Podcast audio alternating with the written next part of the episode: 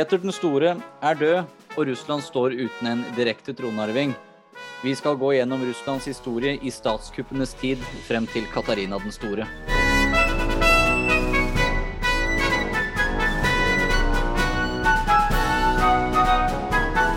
Velkommen tilbake, Halvor Kjønn, og velkommen til dere lyttere. Du er jo da forfatter av uh, boka 'Det russiske imperiet', som omhandler eh, Russland fra Ivan den grusommes død og frem til Katarina den store eh, trår føttene sine på tronen. Og vi har jo nå hatt denne lange audiensrekken med episoder, som nå nærmer seg slutten for denne gang, i alle fall. Så hvor, hvor, var det vi slapp? Vi slapp vel der hvor eh, Peter den store er da død. Eh, og det er jo da kona hans som tar over tronen. Ja, Katarina den første. Eh, hun eh, har jo et obskurt opphav. Man vet egentlig ikke eh, ja, hennes nasjonalitet. Kjenner man ikke om hun var latvisk eller litauisk eller halvt polsk. Peter møtte henne under den, eller kom i kontakt med henne under den store nordiske krigen. Og hun var da krigsfange i den russiske armeen. Og senga til den ene feltherren etter den andre. Og du kom da til Menshikov, altså du kan si den beste kompisen som Peter hadde i livet. Aleksandr Mensjikov.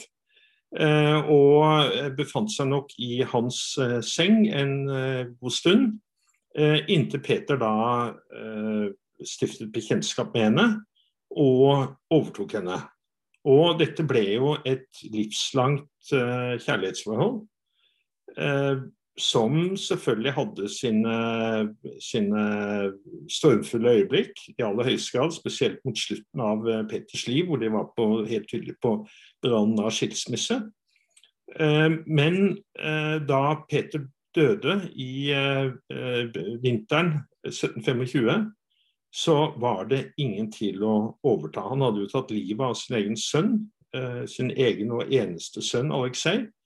Eh, og eh, ved hjelp av et eh, statskupp regissert i Livgarden, så fikk da den nærmeste kretsen til Peter de fikk da gjennom at det var Katarina som skulle overta tronen som keiserinne.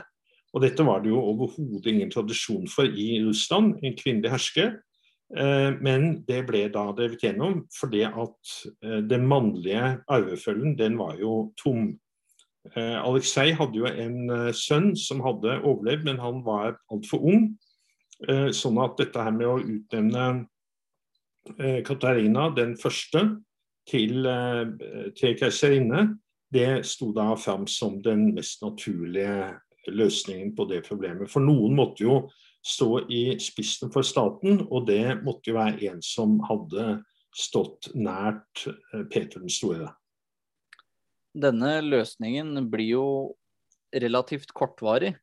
For Peter dør jo da i 1725, og Katarina dør i 1527.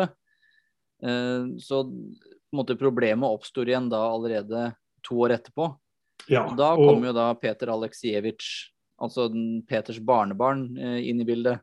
Ja, og det, det, med at uh, Katarina dør så fort, det er litt uforklarlig. For uh, da Peter døde i 1725, så hadde hun tilsynelatende veldig god helse. Jeg skrev jo mye om dette i boka, og man sier vel det at det er vel litt uklart, kanskje, mot slutten av Peters liv, hvor glad Katarina egentlig var i sin ektemann. Eh, og hvor fornøyd hun var med å, å endelig slippe å ha ham ved sin side. I hvert fall så kastet hun seg ut i et uh, veldig utsvevende liv, som det het en gang, uh, etter at uh, ektemannen var død. Og den nøkternheten som hadde preget Peter, i hvert fall til en viss grad, den forsvant jo fullstendig. Og veldig mye tyder på det at hun delvis eh, drakk seg i hjel, og hun hadde kanskje også en eh, venerisk sykdom som hun hadde fått overført fra eh, PT, som tok livet av henne etter ganske kort tid. Og da var jo da var gode råd dyre, for da var jo tronen fullstendig tom.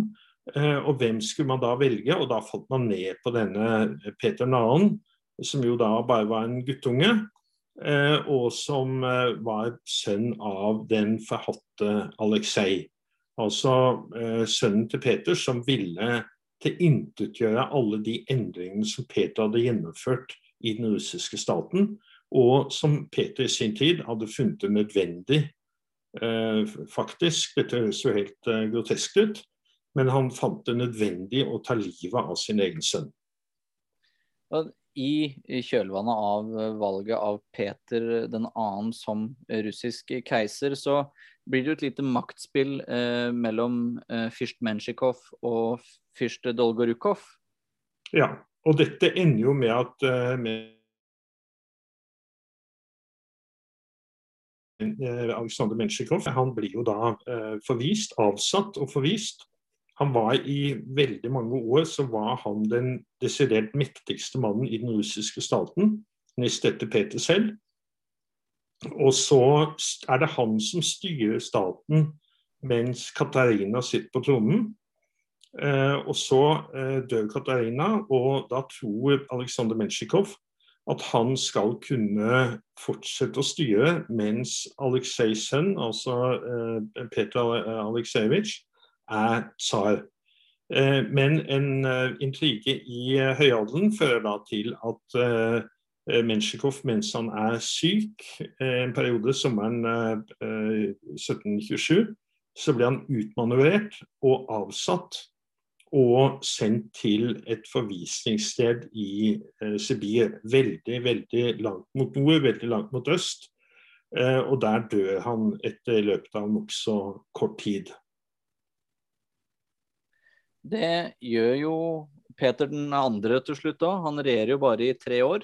Eh, dør på den dagen han skulle ha giftet seg med eh, Jekaterina Dolgorukova. Ja, og eh, det er jo en veldig, veldig spesiell historie. For det at denne Dolgorukov-familien de, det var jo en av toppadelsfamiliene i Russland. Og de eh, manøvrerte seg jo inn i da tsarfamilien og skulle få giftet sin datter med eh, den unge tsaren. Eh, og det ble innkalt til bryllupsfest i eh, Moskva. Eh, men istedenfor bryllup så blir da den unge tsaren, eh, Peter 2., han blir angrepet av eh, kopper og dø i løpet av nokså kort tid. Faktisk da, som du sa, på den dagen han skulle ha giftet seg.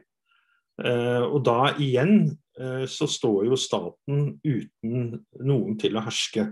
Og dette er jo en, en stat hvor man har vært vant til å adlyde herskeren. Og igjen er det ingen til å herske. Sånn at det er et eh, maktvakuum som har vært mer eller mindre kontinuerlig siden Peter døde i 1725. Og her kommer jo da den eh, andre kvinnen på den russiske tronen. Ja, og da kommer eh, Anna eh, Ivanovna, eh, niesa av Peter, eh, datter av eh, Peters eh, tilbakestående eh, halvbror, Ivan. og denne Anna, hun var nok antagelig ikke eh, Ivans datter. Det var nok eh, Hennes mor hadde nok en annen til å gjøre akkurat den jobben. Eh, så hun var nok Men hun var i hvert fall, var i hvert fall født av eh, Ivans eh, kone. Eh, og var anerkjent som, som Ivans datter, altså halvbroren til Petter den store, som døde på 1690-tallet. Og denne Anna hun eh, hadde jo levd en litt omskiftelig tilværelse. Eh, og hun var blitt, eh, blitt sendt til Kuland, altså det som i dag er omtrent halvparten av Latvia. Og der var hun blitt hertuginne i fyrstedømmet Kuland og fikk beskjed om å passe på interessene til den russiske staten i Kuland. For Kuland var et sånt område som delvis var behersket av Polen delvis av Russland. Og denne Anna, hun, Anna Ivanovna hun satt i Mitav, byen Mitav i Kuland år ut og år inn. Og kjedet seg forferdelig. Spilte ingen som helst politisk rolle. Hun oppfatter jo Kuland som et forvisningssted. Og hun måtte stadig henvende seg til adelen i Moskva for å få penger til, penger til å leve for. Eh, så hun var kjent som den, eh, den fattige, eh, fattige nesen eller fattige kusinen i den russiske tsarfamilien. Men så finner man da ut av disse adelsmennene som sitter igjen etter at Peter 2. er død. Så finner man ut at ja, man har jo en slektning av Peter, det er riktignok en kvinne. Eh, men det kan være greit å ha en kvinne ved tronen, fordi at man, eh, man hadde jo eh, levd under Peters harde hånd i lang tid, og det hadde ikke alltid vært like enkelt. Og så tenkte man at det kunne være fint med en litt viljesvak, antok man, kvinne til å styre. Og da skjer det jo noe veldig spesielt i den russiske historien.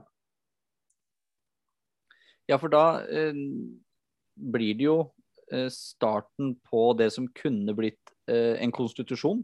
Ja, og det er akkurat det. Det er jo for da den eh, lille kretsen av høyadelsmenn som fant fram til denne Anna, de tenker da at nå har vi mulighet til å gi adelen. Og det, Da tenkte de på den aller øverste adelen, altså en liten krets av toppadelsfamilie, eh, kanskje fem, seks, sju adelsfamilier til sammen, og gi dem en eh, viktig stemme, en avgjørende stemme i styret av den russiske staten. Og de, eh, disse adelsmennene de utarbeider da en, et dokument Som en håndfesting? en håndfesting, som det heter på, heter på gammel skandinavisk. Eh, eh, og det ble kalt conditsi, altså betingelsene. Eh, og dette dokumentet sender de til Mitav. Og så sier de til Anna Ivanovna at hvis du undertegner dette dokumentet, så vil du bli keiserinne av Russland. At hun eh, som keiserinne av Russland kunne ikke fatte noen vedtak uten at de var kontrasignert av det såkalte Geheimerådet, altså denne lille kretsen av adelsmenn. Så alle vedtak hun, eller alle eh, befalinger som hun sendte ut, det måtte kontrasigneres av denne lille kretsen av adelsmenn. Sånn at de ble på en måte da et eh ja, eh, et, eh, en motvekt til eh, herskerens eh, makt i staten. Eh, og dette kunne jo potensielt ha utviklet seg til å bli et parlament. For det var jo slik de vestlige parlamentene utviklet seg, at det var da i første omgang adelen som hadde en, eh, slags, et slags veto mot kongens makt, og som kunne si til kongen, i, altså de europeiske kongene, at nei, dette går vi ikke med på. Eh, og så måtte kongen adlyde denne adelen. Slik mener man jo at, at parlamentene oppsto i vår del av verden. Og her var det en, en uh, spire til noe av det samme i Russland, men slik skulle det ikke gå. Dette forsøket faller i fisk. Eh, enkelt og greit. Og... Ja, det faller fullstendig i fisk. For det at, eh, at eh, Anna hun kommer da til Moskva Eh, der fortsatt disse eh, adelsmennene sitter sammen.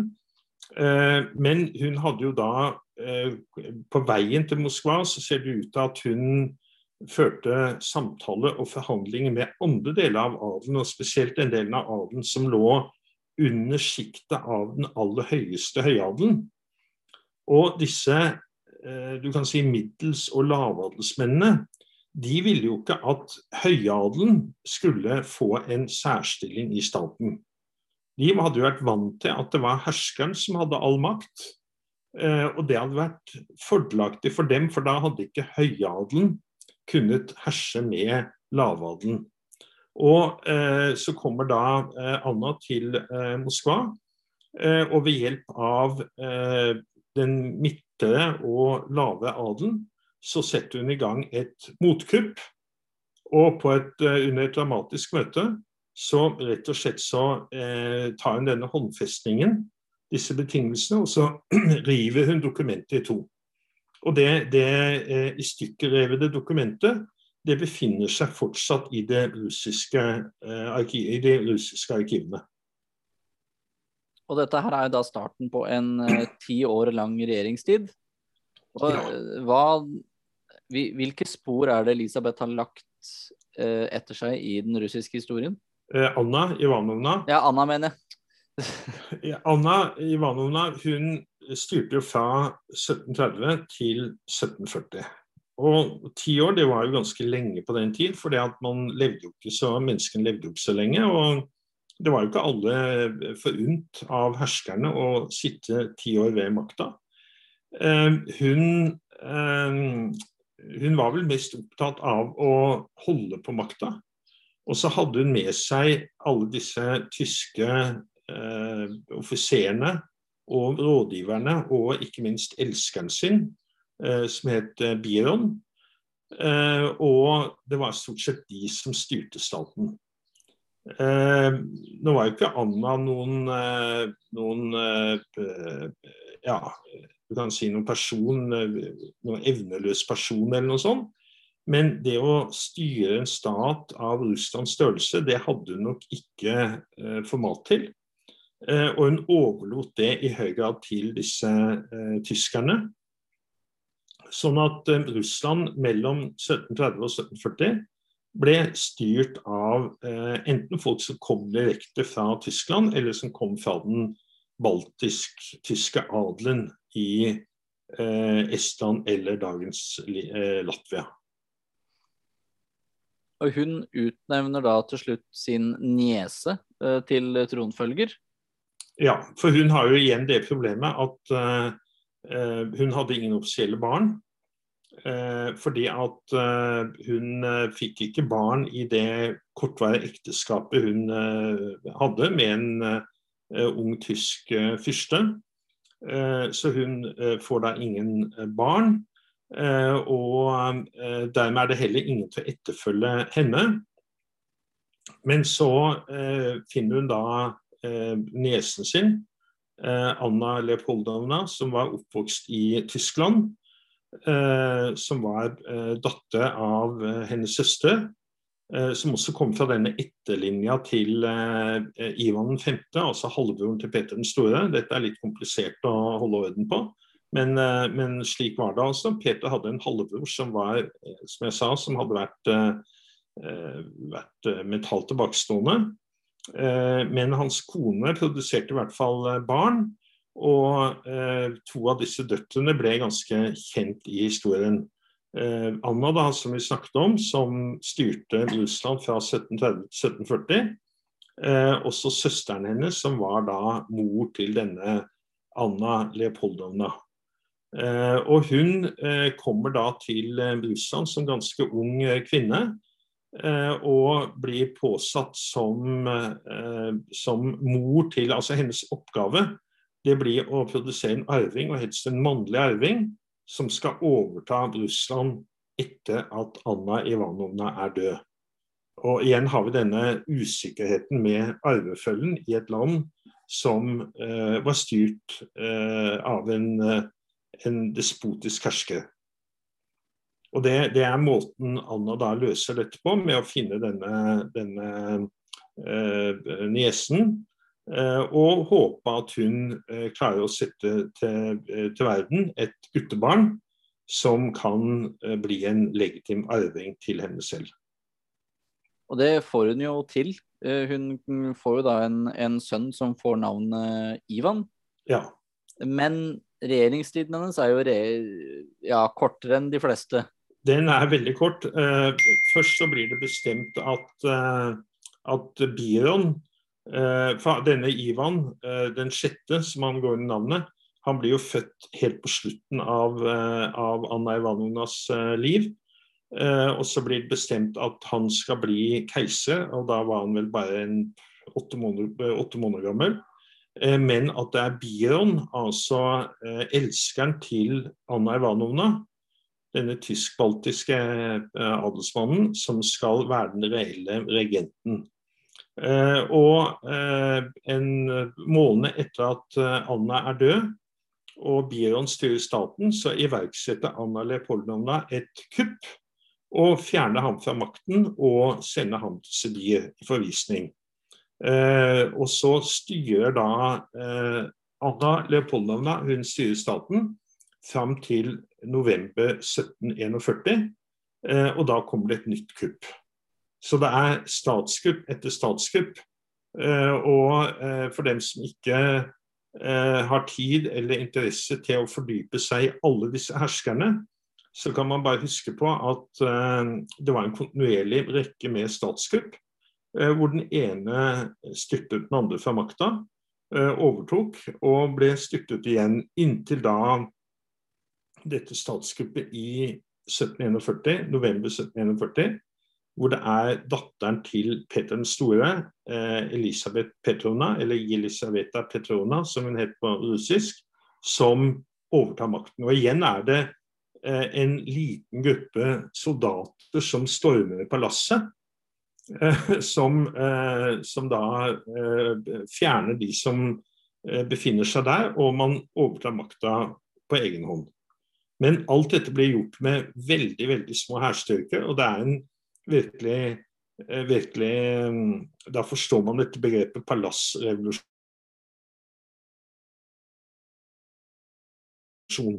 For det er makt å overta makta for sin egen del. Det, det som eh, da skjer, er jo det at vi får en av de lengste regjeringstidene i denne statskuppperioden, som blir på hele 21 år. Nei, 20 år. 20, nøyaktig 20, 20 ja. ja. Altså og, Anna, Anna Leopoldovna sitter nøyaktig mer eller mindre i tiåret, år, og litt mer, litt mer enn ti år. Og eh, Elisaveta, eller Elisabeth Petrovna, hun sitter temmelig nøyaktig i 20 fra, 17, eh, fra november, slutten av november 1741 til juledagen eh, 1761, altså 1761. Og eh, det, det, du skriver i boka di, er at det er vanskelig å si om Elisabeth var en god hersker eller ikke? Ja, det Uh, Hun var vel i middelklassen, må en kunne si. Hun var ikke udugelig men hun var ikke altfor interessert i å fordype seg i alle mulige detaljer når det gjaldt uh, styret av staten. Det hun passet veldig på, var det at de viktige avgjørelsene, det var det hun som skulle ta. Og hun var veldig bevisst at hun var datter av Peter den store. Og Peter den store var en mann som hadde endret historiens kurs for Russland. Og hun var på en måte eh, iverksetteren Eh, fullføreren av hans testamente. Dette var hun veldig, veldig bevisst på. Men hun hadde jo akkurat det samme problemet som eh, eh, forgjengeren Anna Ivanovna. At hun heller ikke hadde noen legitim etterfølger. Hun hadde heller ikke noen sønn som kunne etterfølge seg, og måtte da ut på leting på, ut i, lenger ute i slektstreet for å finne en som kunne følge etter henne. Og der eh, faller vel også historien tilbake igjen på Peters eh, regjeringstid. For eh, han hadde en datter som han giftet bort til eh, hertugen av Holstein Gottorp. På ja. Den ene betingelse at hvis de produserer et guttebarn, så skal han bli keiser av Russland. Ja, så denne, denne eh, Peter, da, Peter den tredje, som han ble kalt da han kom til Russland, eh, han eh, Elisabeth hun sørger da for veldig kort tid etter at hun sjøl har overtatt makta, å få denne foreldreløse gutten fra Kiel i eh, Nord-Tyskland, i dagens eh, Schleswig-Holstein, til St. Petersburg. Og hun gjør da sitt aller beste for å oppdra ham til å etterfølge seg. Eh, og det er jo en ganske lang og ganske tragisk historie. For det at denne, denne eh, Peter, han, det viser seg det at han elsket sitt egentlige hertugdømme, Holstein. Han elsket Tyskland, og han elsket Prøysen, og ikke minst herskeren i Prøysen, nemlig Fredrik den store, som regjerte fra 1740 til eh, 86. Eh, og han hatet alt som var russisk. Han hatet sin tante Elisabeth eh, Petrovna, eh, og han hatet den ortodokse kirka. og det var jo ikke et veldig godt utgangspunkt for å bli eh, hersker over eh, Russland. Og han, han gjør jo uh, alt feil, på en måte, i, i perioden fram mot, uh, mot Elisabeth sitt, uh, sitt endelikt. Og, men han har jo med seg kona si, Sofia av Anhalt Serpst, ja. som derimot gjør alt riktig. Ja, for det at Elisabeth hun var jo avhengig av at det var noen til å etterfølge henne. For det at Hvis man var en hersker i Russland, en eneveldig hersker, og man ikke hadde noen til å etterfølge seg, da ville jo eh, kretsen omkring, eh, omkring, herskeren ville jo da være på utkikk etter en etterfølger. Og da ble stillingen til herskeren den ble usikker med en gang. Så for Elisabeth var det jo veldig viktig at eh, hun hadde en til å overta etter seg, som hun da fant med denne eh, Peter. Eh, men han måtte jo også ha en kone, og de måtte helst produsere en arving som kunne etterfølge dem. Sånn at arvefølgen var, ville være klar langt inn i eh, neste århundre. For nå er vi kommet til eh, et eh, stykke ut på 1740-tallet, til midten av 1740-tallet. Og, og, da finner eh, Elisabeth denne Sofia av eh, Arnold Herbst et lite tysk eh, fyrstedømme. Eh, han finner denne unge jenta Hun unnskyld, og hennes mor Johanna til St. Petersburg. Og de kommer dit i 1744. Og eh, Katarina, holdt jeg på å si, dette, dette, er jo da damen som blir eh, Katarina. Hun skifter navn eh, idet hun eh, tar til seg den ortodokse tro, noe hun fikk streng beskjed av faren sin om å ikke gjøre.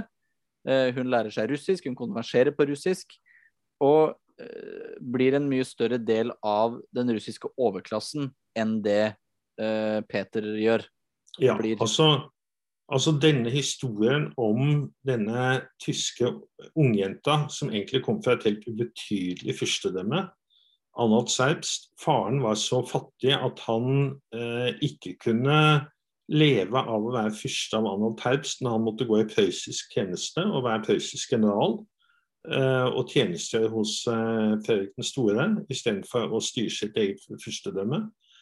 Eh, og han har da denne datteren, eh, Sofia, eller Sofie. Og denne datteren som da kommer til eh, St. Petersburg og Moskva i 1744, og som eh, blir oppdratt eh, av, delvis av Elisabeth, eh, og som lever sin ungdomstid og første del av voksenlivet eh, som russisk storfürstinne. Eh, som egentlig er helt bety en betydningsløs person. Hennes eneste oppgave var å finne og skaffe en arving til tronen, altså å føde et barn, og helst da et guttebarn. Eh, og hvordan hun blir den mest betydningsfulle herskeren i Russland ved siden av Peter den store. Og hersker da fra eh, 1762 eh, til 1796. 1796. Og, og det er jo en eh, når man leser denne historien, så er, jo, så er det jo en historie som er hentet ut fra eventyrene hvordan denne tyske ungjenta blir da en av de aller mest betydningsfulle europeiske herskerne, og kanskje den mest betydningsfulle eh, russiske herskeren noensinne. Det er en, en helt ekstraordinær historie. I skyggen av eh, Katarina så faller jo alle disse eh, andre herskerne, og spesielt da ektemannen Peter 3., som eh, i og for seg eh, rakk å gjøre noe de seks månedene cirka som han satt, eh, satt på tronen. Og det var vel Han frigjorde vel eh, adelen? Ja. Så det, det viser For det at Peter var jo en person som hadde alle imot seg. Han var jo dypt upopulær, og ikke minst fordi at eh, alle forsto at han egentlig hatet Russland, og at han hatet den ortodokse kirke. Og det gjorde ham jo i utgangspunktet til en upopulær person. Men eh, da Peter overtok, eh, altså i nyttårs, ja, omtrent nyttårsskiftet 1761-62, så gjennomførte han faktisk en god del endringer av måten Russland ble styrt på, som viste seg å være veldig eh, framsynt. Eh, og bl.a. så eh, inndro han kirkegodset, sånn at kirka ikke kunne sitte og forvalte enorme jordgods. Eh, og så gjennomførte han denne berømte frigjøringen av adelen. Og så forbød han også adelen å ta livet av sine livegne bønder. Så det var en god del reformer som han innførte som var virkelig, virkelig framsynte. Eh, og dette er med at adelen ikke lenger skulle måtte utføre livsvarig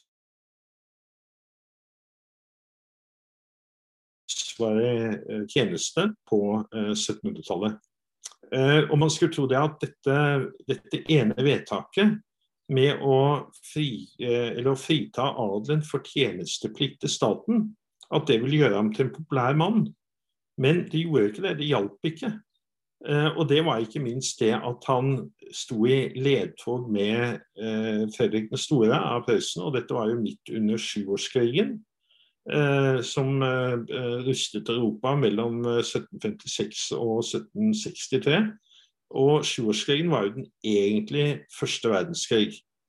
Altså Det var den egentlig første verdenskrig. Det var en verdensomspennende kamp om makt.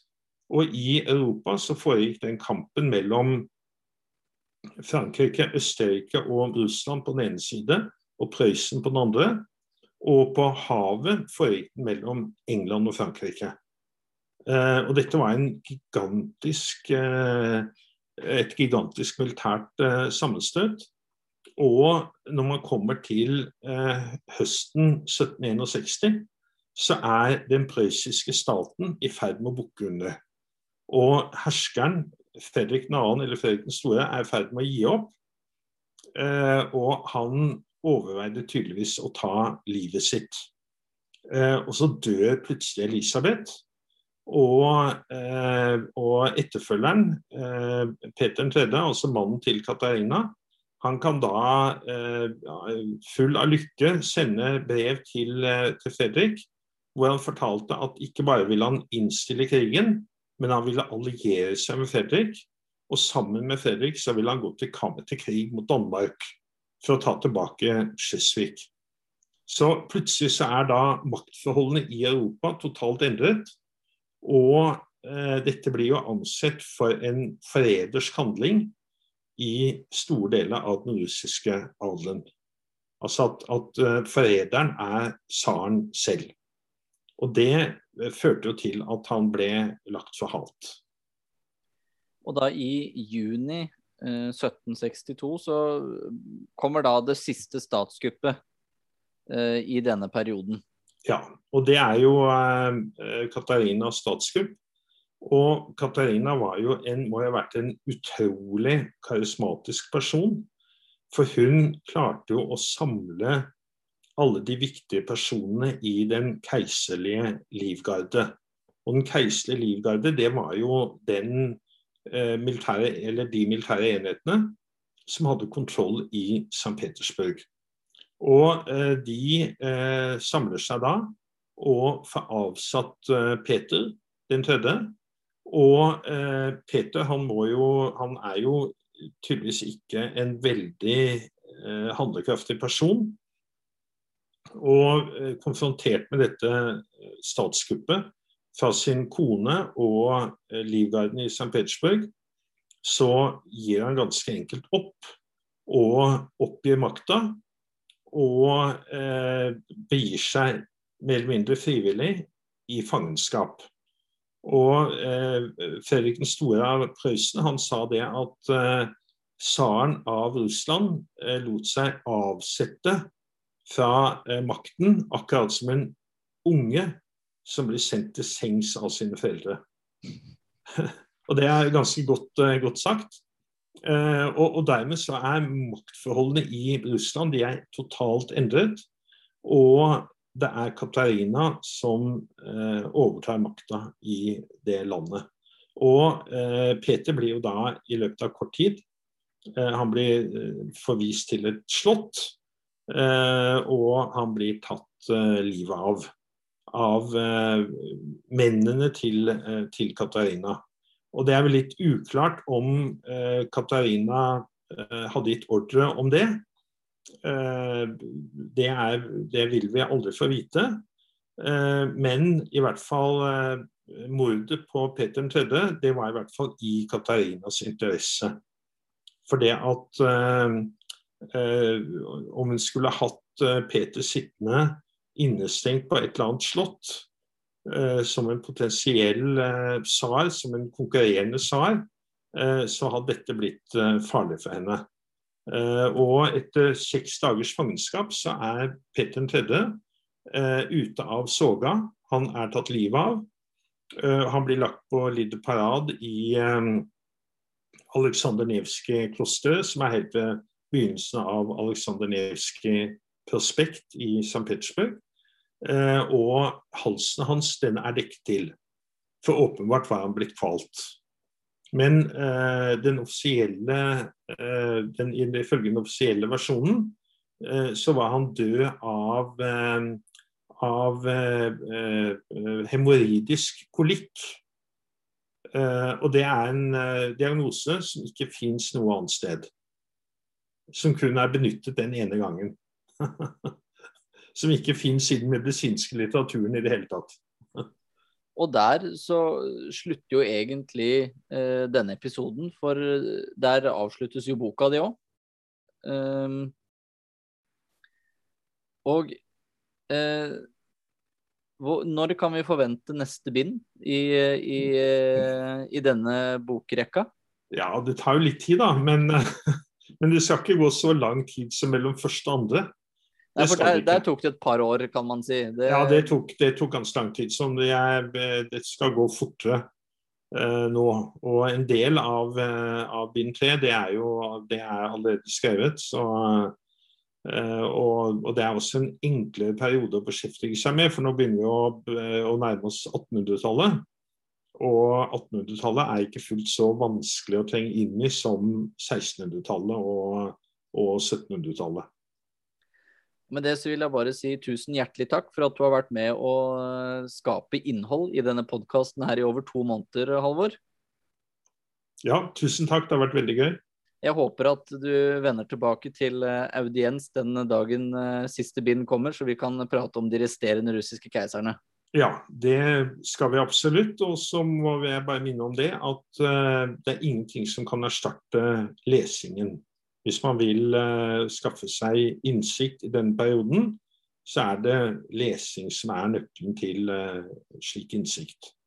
Det kan jeg skrive under på. Jeg leste ut boka di forrige uke, og må si for det første mektig imponert over verket. Og for andre så vil jeg bare anbefale alle lyttere med en viss interesse for kongelige, keisere og Russland å lese Halvor Kjønns bok 'Det russiske imperiet'. Og med det vil jeg bare si at uh, vi lyttes.